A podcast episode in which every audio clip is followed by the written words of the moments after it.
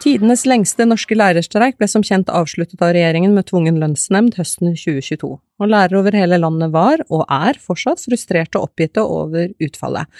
Og hva betyr alt dette framover? Det skal vi snakke om i denne episoden av Lærerrommet. Velkommen hit, jeg heter Vigdis Alver.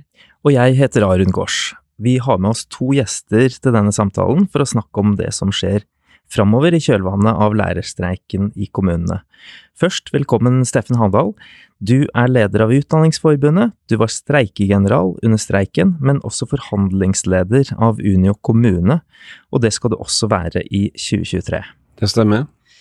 Eh, og velkommen til deg, samfunnsredaktør i E24, Torbjørn Røe Isaksen. Du er tidligere Høyre-politiker og var kunnskapsminister, blant annet under lærerstreiken i 2014. Det stemmer også, og hei. Og etter den eh, historisk lange lærerstreiken ble stanset med tvungen lønnsnemnd, så er det mange lærere som mener at streik ikke er et reelt kampmiddel eh, for dem lenger. Og Handal, hva, hva tenker du at tvungen lønnsnemnd innebærer for eh, lærernes streikerett? Jeg mener at uh, den tvungen lønnsnemnd vi opplevde nå i år, den innskrenker lærernes streikerett fordi hvis man leser grunnlaget som regjeringen la fram, eh, så er den av en ganske generell karakter. Og etter min mening vil en sånn type begrunnelse kunne ramme enhver eh, lang lærerstreik. Og da mener jeg at vi er på ville veier, egentlig, hvis, eh, hvis lærerne har en begrenset streikerett. Og Røe Isaksen, hva tror du om dette? Sånn sett utenifra, er streikeretten for lærere reell?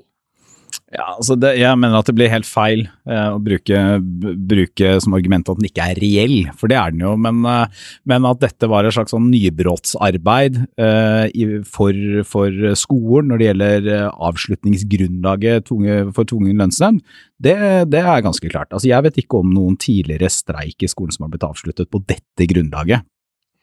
Ja, det er jo det er en misforståelse å si at ikke lærerne har streikerett. Det har de jo absolutt. Vi hadde vi streiket jo over 100 dager. Vekk, Nei, ja, ikke læreren alene, da, det er ganske sjelden. Men uh, vi streiket jo over 100 dager, så vi har jo streikerett. Men jeg, jeg tror at denne er begrenset. Uh, og vi kommer jo til å se videre, videre, på det, og vurderer jo selvfølgelig å klage inn den beslutningen som regjeringen har fattet, uh, inn til ILO, for å se om, ja, om den står seg i møte med internasjonale konvensjoner osv. Hva er ILO, kan du forklare det? Det er internasjonale Det er en FN-organisasjon som passer på arbeidsrettigheter, rett og slett. Men for å gå litt videre på grunnlaget for denne streiken, Røe Isaksen. Til TV 2 i september, nå i september altså, uttalte du jeg synes lærerne burde tjene mer, men det ville jeg aldri sagt da jeg var politiker. Hva ligger i dette, og hvorfor kunne du aldri sagt det som politiker?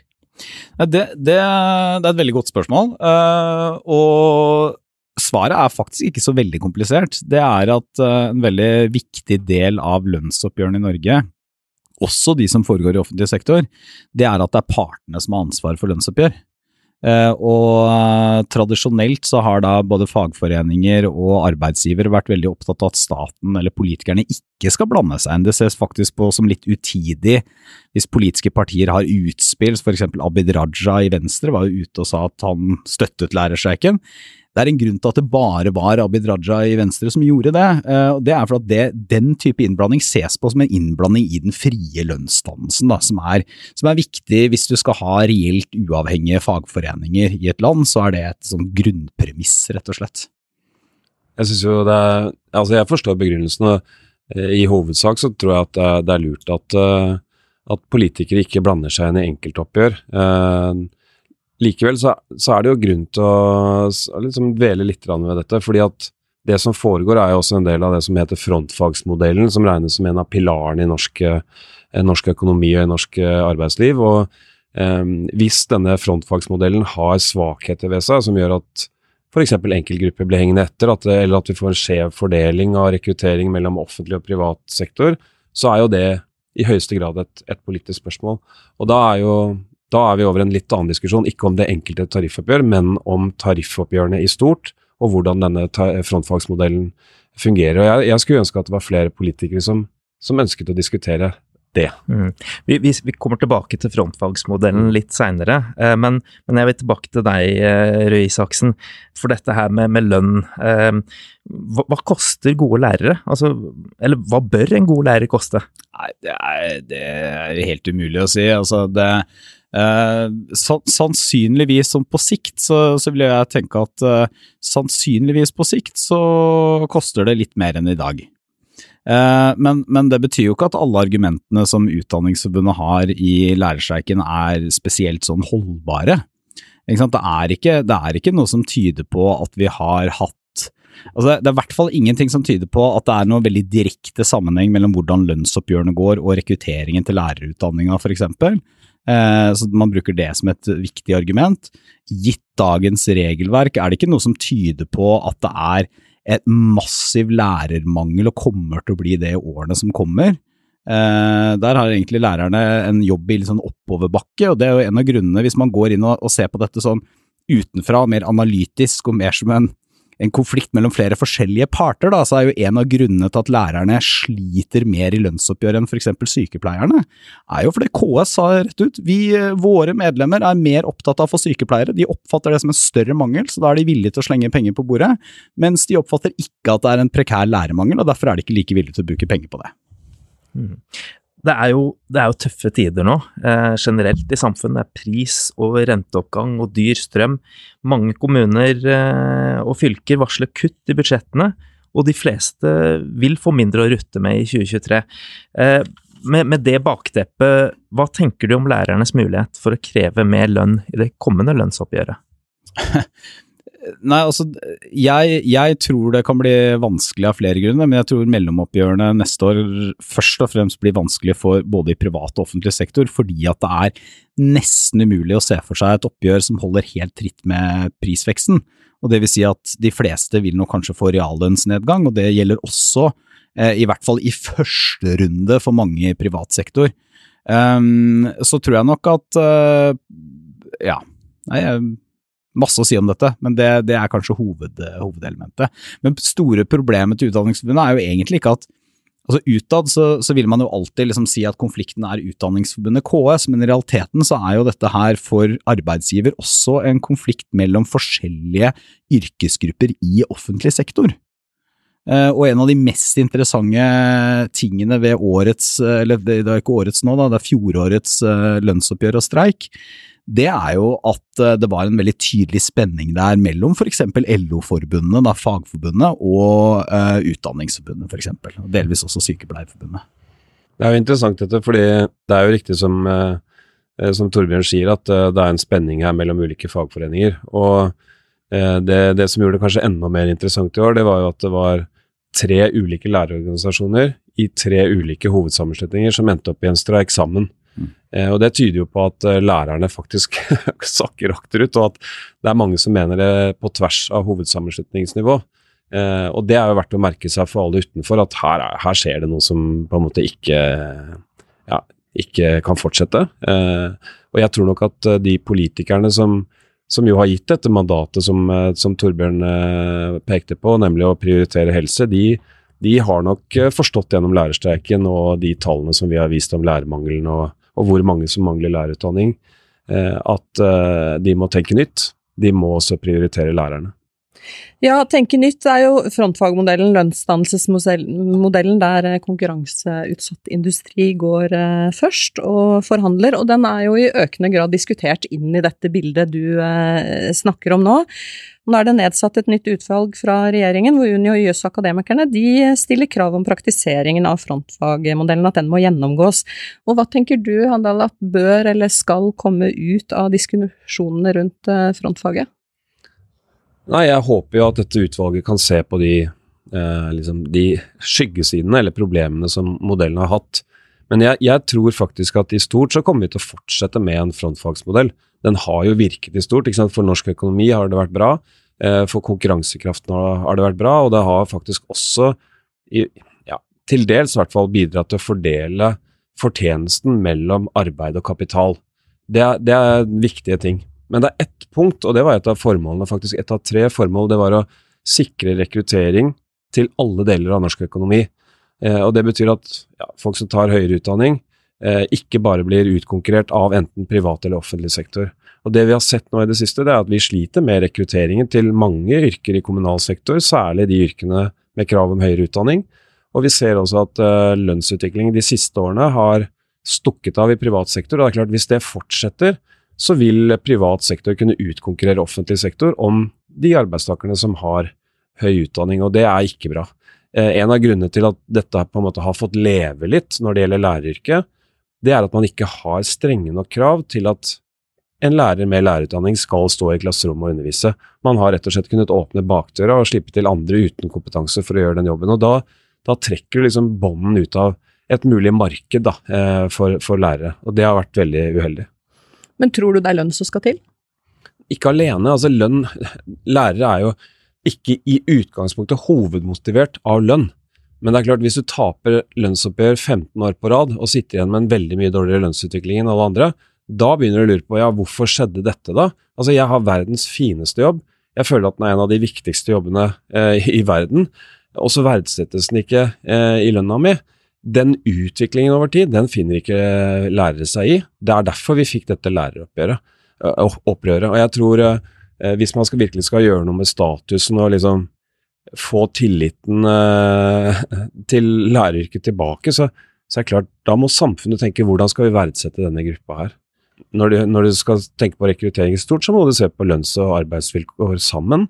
Du må liksom tenke ja, har jeg muligheten til å utvikle meg i løpet av, av yrkeskarrieren min, fordype meg og Det er mange ting som spiller inn, men lønn er også viktig. Jeg, jeg tror litt av dilemmaet for uh, politikerne uh, kan sammenlignes litt med uh, koblingen mellom å bygge nytt, det er alltid populært og det er stort og synlig, og det å drive vedlikehold, det er veldig kjedelig å bruke penger på, for det, du skal egentlig bare opprettholde en god tilstand, eller kanskje forbedre og modernisere litt. og noe av dilemmaet eller problemet for norske lærere, det er, det er rett og slett at investeringen ikke sant? Det er ikke en, er, Jeg er jo ikke enig i at det er, ikke sant? det er ikke en prekær lærermangel. Elevkullene går sannsynligvis nedover i tiden som kommer. Kommunene er mer opptatt av andre yrkesgrupper. I hvert fall var de det i fjorårets lønnsoppgjør. Eh, så tror jeg, og det er mer da en mening fra min side, at hvis du skal opprettholde en god skole, og til og med lage en enda bedre skole over tid, så er jo læreren en nøkkel.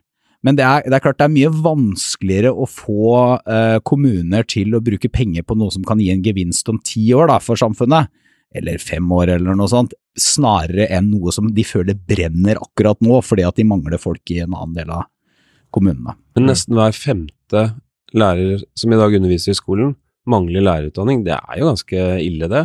Og ja, det, og så er, om, er, det jo noen nyanser i de tallene der, da, Steffen. Ja, men, Også, så, så, så, men jeg er enig i at en veldig viktig forskjell, som igjen gjør det vanskeligere for lærerne, da, en viktig forskjell på en lærer og en sykepleier, for å ta to Unio-grupper, det er at eh, du, du, kan ikke ta inn en eh, 19-åring som er eh, flink og ålreit, og sette vedkommende som sykepleier men det kan du faktisk gjøre i skolen. Nei, nei, nei. nei. Dette jo, men så kan, jo, men altså, regelverket åpner for det. Ja, men, du er ja, ja, enig i det? Ja, men det, det, den altså, holdningen, liksom, du liksom, skjønner, du skjønner, den altså, lever jo der i det norske samfunnet, og er jo men, veldig Steffen, skummel. Dette er, jo, dette, er jo, det, dette er jo helt deres poeng. Altså, når du sier at hva, hva er grunnen til at liksom, markedet, når det er sånn hermetegn for lærere, ikke fungerer så godt, så er jo det nettopp fordi at fordi at regelverket i dag åpner for at du kan ta inn en uh, ufaglært vikar, ja, f.eks. Ja, ja, det kan du ikke gjøre for en sykepleier, og Nettopp. det gjør at, uh, at, uh, at det, det, i realiteten kanskje er en større mangel, eller det er en større mangel på kvalifiserte lærere enn det det ser mm. ut som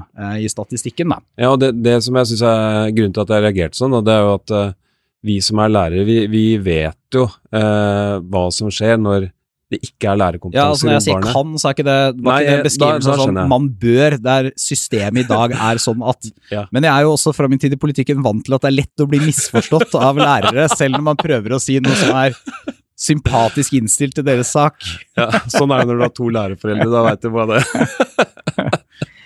uh, Røe Isaksen, ta oss litt tilbake igjen til, eh, til dette her med, med liksom arbeidsgiversiden, som er mm. KS, og, og, Utdanningsforbundet på den andre siden. Altså For deg som ser dette her litt utenfra, hvordan, hvordan oppleves dette forholdet? Nei, ja, det, det, oppleves vel uh, bedre når det ikke er uh, lønnsoppgjør. Og det er nok en sånn Mitt inntrykk er at det er, det er et godt sånn konstruktivt samarbeid ute i kommunen, og delvis sentralt også, men det er en sånn grunnleggende skjæring på lønn. så syns nok jeg noen ganger at man forenkler konflikten litt i læreruniverset, fordi man det er veldig, det er veldig eh, gunstig for Utdanningsforbundet å fremstille det som om den eneste konflikten det er den mellom KS, eller eneste linja da er KS og Utdanningsforbundet. Men KS sitter og forhandler med er det 40 forskjellige fagforeninger. Eh, et av problemene for Utdanningsforbundet er jo ikke at KS liksom, Dette er ikke penger de gir bort eller legger på kistebunnen eller noe sånt, men de gir dem f.eks. i kronetillegg til lavtlønnsgrupper i kommunen, for det er viktig for Fagforbundet som organiserer veldig mange. Eh, I år prioriterte de, eller i fjor så prioriterte de sykepleierne. Eh, det er viktig for dem. Men alle, jeg tror alle lærere skjønner dette, og jeg tror, eh, jeg tror egentlig ikke at liksom hele befolkningen tror at det er så enkelt at kommunene bare kan gi masse penger til læreren, liksom. Alle vet at dette handler om prioritering, noen ganger taper du, noen ganger vinner du, men det å tape liksom år etter år etter år etter år, det er jo det som gjør at dette læreropprøret er der. Det er jo ikke fordi at liksom men, eh, vi, vi syns at de lavtlønte ikke skal få, liksom. Det er jo ikke det Nei, jeg, jeg, vet jo det. Samtidig så er det jo en sånn Der er det jo en reell interessemotsetning, eller eh, Unio og LO eh, har ulik politikk, da. Rett og slett. Så tror jeg det som, det som det kanskje kan være noe rom for, tror jeg, det er en, en litt sånn annen Altså at man, man, ser litt mer fleksibel på hvordan frontfagsmodellen slår ut. Mm. Altså Frontfagsmodellen er jo der for å sikre at ikke offentlig sektor suger til seg all arbeidskraft og drar opp lønningene, sånn at vi ikke får noe konkurranseutsatt mm. industri og næringsliv igjen. Det er veldig bra. Jeg elsker frontfagsmodellen så høyt som det går an å elske en modell for sentralisert lønnsdannelse. Eh, men så har den jo når, når, du, når, du, går over til realiteten, så ser du at det er, det er noen utfordringer her. En av dem er jo at veldig mange yrkesgrupper i privat sektor ja i realiteten ender opp med en lønnsramme som er mye høyere enn frontfagene, fordi de får lokale tillegg, f.eks., for eksempel, mm. fordi bedriften deres går bra. Og det er klart, hvis, Mens lærerne har jo ikke så mye Det er ikke så mye å hente, hente der etterpå. Eh, for, for, de fleste yrkesgrupper i offentlig sektor. Så, så, der er det noe som ikke rokker ved selve frontfagsmodellen, men som kanskje har en litt annen Altså ikke er så rigid på den hvert eneste år, i hvert fall. Ja, for det er en rekkefølgeproblematikk her òg. For i privat sektor så forhandler frontfaget først og så setter de ramma. Mm. Og så forhandler eh, offentlig sektor etterpå, og forholder seg til den ramma der. Og vi har arbeidsgivere i offentlig sektor som er veldig strenge. Det er nesten sånn ja, frontfag er tak, liksom, for hvor, hvor, høyt vi kan gå. Men så forhandler jo privat eh, sektor igjen etterpå, med lokale forhandlinger. Og da er det jo, er det jo liksom bedriftenes bærekraft og hvor lønnsomme de er, som også tas hensyn til. Og det skulle da også bare mangle at hvis de gjør det veldig bra, så må jo arbeiderne få en del av det overskuddet. Det, det, er vel og bra, liksom. Sånn bør det jo være. Men vi har ikke en mekanisme som kompenserer for det. sånn at hvis privat sektor til stadighet kommer ut bedre i de lokale forhandlingene etter at offentlig sektor har forholdt seg til ramma, da blir det litt mye pekefinger fra privat sektor til offentlig sektor, men dere må ikke over ramma, og så gjør de det etterpå selv i, private, nei, i lokale forhandlinger. Det systemet der, det, det, holder ikke lenger. Eh, vi må finne mekanismer som gjør at vi kan justere inn dette. Men, men jeg tror det, samtidig så har jo dere vært, øh, og var i fjoråret, veldig Dere sa vel kanskje ikke eksplisitt at øh, det viktigste for oss er å få mer enn frontfagsramma, men det var, det var etterlatt inntrykk. Eh, mm. så, så, jeg tror også at det er, jeg, jeg tror det er veldig uheldig det, der, vel, altså det som oppfattes som et frontalangrep på frontfagsmodellen fra både Utdanningsforbundet og Sykepleierforbundet og flere andre, tror jo jeg bare har bidratt til å få konfliktnivået opp, og har i hvert fall skapt en knute på tråden, ironisk nok, da, mellom forskjellige forbund som alle har mange organiserte i offentlig sektor.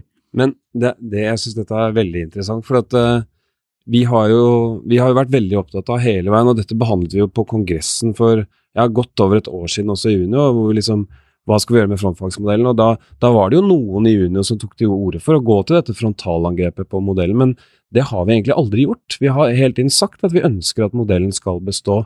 Så det er noen som ser seg tjent med å fremstille det som at Unio og Utdanningsforbundet er mot frontfagsmodellen. Det er vi ikke.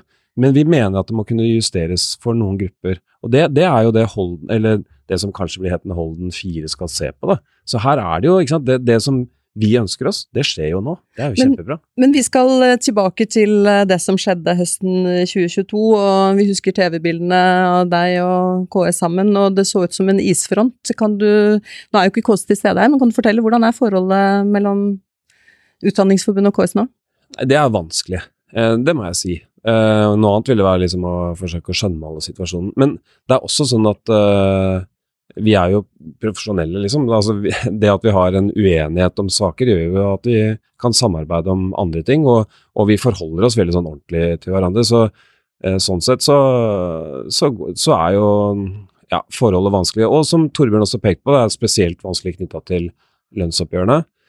Vi føler vel av og til at vi møter to ulike KS, altså det er de, de som holder på med forhandling og de som holder på med alt annet. Eh, og på veldig mange andre punkter så kan vi jo samarbeide med dem. Og det er også riktig som Torbjørn sier, at ute i kommunene så er, jo, vel- er det jo veldig mye samarbeid, også mellom Utdanningsforbundet og kommunal sektor der der Mm. ute. Så ja, det er et nyansert svar på det spørsmålet, men det du spør om, det opplever jeg liksom mellom oss og forhandlings-KS, og det er veldig vanskelig. Det er det. Det var streikere, streikende lærere overalt, det var jo nærmest et læreropprør som vi har vært innom Ja. her. Eh, Hvordan eh, tenker du at denne gløden og kraften skal forvaltes og ivaretas, eller er, den, eller er det over? Det er ikke i, over i det hele tatt. Eh, For min del så har dette omtrent nesten bare startet. Og du kan bare spørre folk der ute. Jeg treffer jo medlemmer av tillitsvalgte eh, jevnlig, og de er fortsatt ganske forbanna over tvungen lønnsnemnd. Eh, De er veldig skuffa over å ha en arbeidsgiver som ikke verdsetter kompetansen deres. Eh, Og de er klare til å gå på, på nytt hvis det er behov for det. Eh, Så dette er ikke over i det hele tatt, det er bare en start. Um, Røe Isaksen, eh, flukten fra læreryrket har også vært mye trukket fram i forbindelse med streiken. Blir det tatt nok på alvor av arbeidsgiverne og myndighetene? det, det også er et premiss som er, som er verdt å liksom titte litt nærmere på. Da? For spørsmålet Det er en del som slutter, øh, og det burde blitt færre. Men spørsmålet er jo er det mange flere som slutter i læreryrket enn i andre sammenlignbare yrker, og jeg har ikke klart å finne noe god dokumentasjon på det.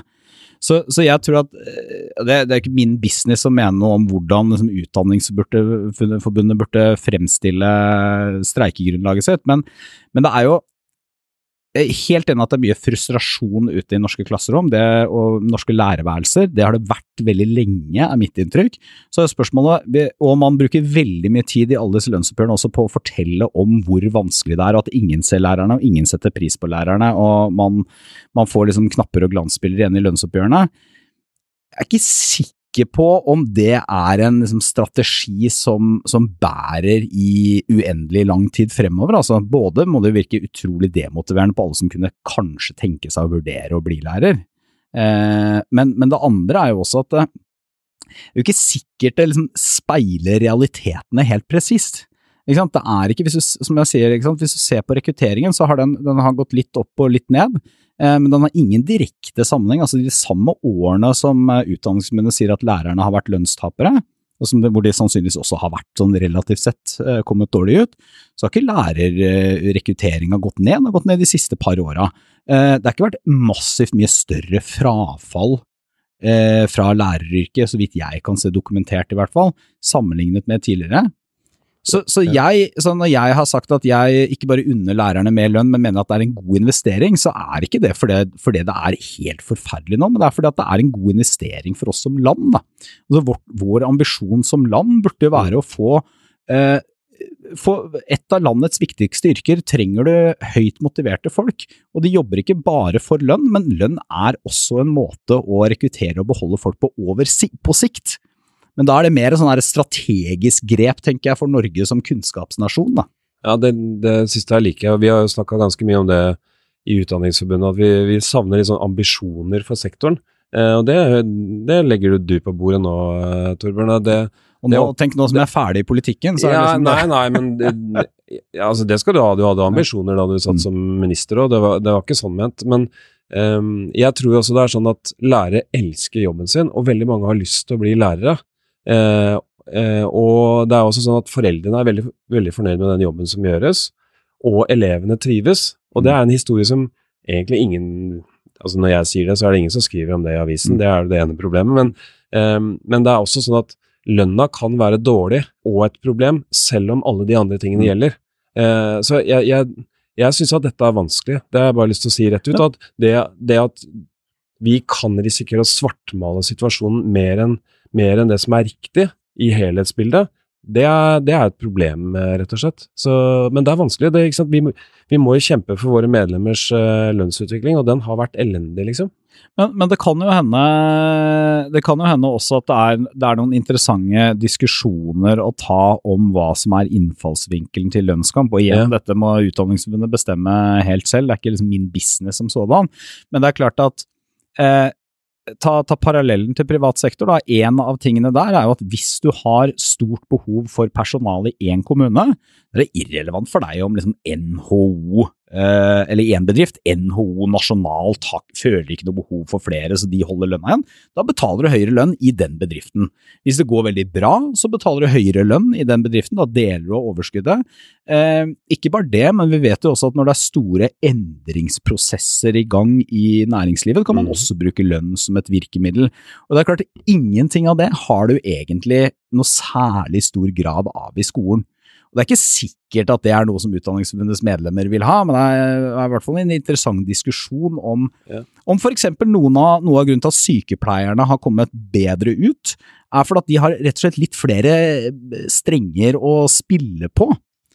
Men det, det, det er interessant, for sykepleierne og lærerne har jo samme avtaleverk i kommunene. og Disse mulighetene ligger jo der også for våre medlemmer, eh, men de blir ikke brukt i samme grad. og Det handler jo liksom om lovverket også. Vi er tilbake til det at så lenge du kan ansette folk uten kompetanse til å gjøre jobben, hvorfor skal du da øke lønna med, med 50 000 eller noe? Det skjer jo noen få steder eh, der hvor det er virkelig prekært, og vi har sett sant, skoler oppe i, eh, opp i Nord-Norge eller sant, i grisgrendte strøk som, som har liksom 30-40-50 uh, ukvalifiserte lærere. og det da bør kommunen virkelig liksom tenke sånn som du gjør nå. Altså, ja, da må vi, vi må gjøre alt vi kan for å rekruttere det. Gratis barnehageplass. Altså, da må vi virkelig tenke Men hvis du skal gjøre det med, mer systematisk, da, ikke bare én kommune et sted, men hvis du skal gjøre det mer systematisk, så må det også bety en toleranse eller aksept for at mm. du kan få forskjellig eh, lønn, eller ulik lønn, ikke bare basert på utdanning og ansiennitet. Ja. Vi, det, det, det, egentlig så er det jo funksjons, ikke bare funksjonstillegg, men rett og slett du får et slags sånn marked i hermetegn. da. Ja. Eh, og jeg har jo oppfattet at utdanningsbønn som tradisjonelt, nesten litt sånn ideologisk, har vært veldig skeptisk til det. Mm. Det, er, det, er, nok riktig det, eh, og jeg tror nok det ligger en veldig sånn egalitær holdning i profesjonen om at liksom, ja, vi er et lag, og alle har liksom den kompetansen og den ansiennitet som skiller oss, og, og, utdanning som skiller oss. Bortsett fra det, så er vi skeptiske til mm. lønnsforskjeller. Mm. Og det, det, må man jo også ha respekt for, at det vi kan tenke kan motivere andre i andre sektorer, hvis ikke de gjør det i vår sektor, så, mm. så er det liksom Det, det er jo litt Nei, vi kan altså, gjøre noe med det. Hvis det bare skaper masse bråk. Men det, det, er, det, er jo en interessant Nei, diskusjon som Jeg syns det er et godt eksempel. Da du var minister, så, så pekte eller så jobba du jo med ikke sant, eh, lærerspesialistordningen. Uh, og det, det, var nok en idé som, som jeg tror virkelig kunne satt seg. Mm. Og det kunne blitt en ordning som vi også kunne brukt i tariffoppgjørene for å gi lønn for, for et ansvar og en ekstrajobb. Eh, så ble ikke liksom den ordningen akkurat sånn som vi hadde tenkt det. Og, og det var for mange hos oss som syntes at det, den ordningen var for dårlig. og eh, du, du hadde litt hast der, tror jeg. Eh, så, eh, men det betyr ikke at ikke sånne ordninger kan forsøkes på nytt og, og, igjen. Og jeg tror faktisk at vi er tjent med å ha, ha den type ordninger i profesjonen. Ikke bare for lønnsutvikling, men for å sikre liksom, faglig, faglig, utvikling og, og, og, utvikle kvaliteten for, for elever og barn. Da du får en liten forsmak på det nå, på en måte, når, når det jo kommer inn uh, unge, nyutdannede lærere. Med master, ja. Eh, med master, ja. Eh, som jo har et høyere lønnstrinn. Eh, akkurat den samme plikten, og nå er det riktignok knytta til utdanningsnivå, men det er klart, de ser jo i klasserommet at jeg som har vært der i 20 år, gjør den samme jobben som denne unge læreren, men, men der har du et system som da ja. er sånn at du har låst det til utdanning, da. Det bare nevne bisetting. For barnehagesektoren så har vi massevis av barnehagelærere som har masterutdanning. Får ikke en krone av arbeidsgiver for det. Det er altså sånn veldig Det er lave ambisjoner, syns jeg, da.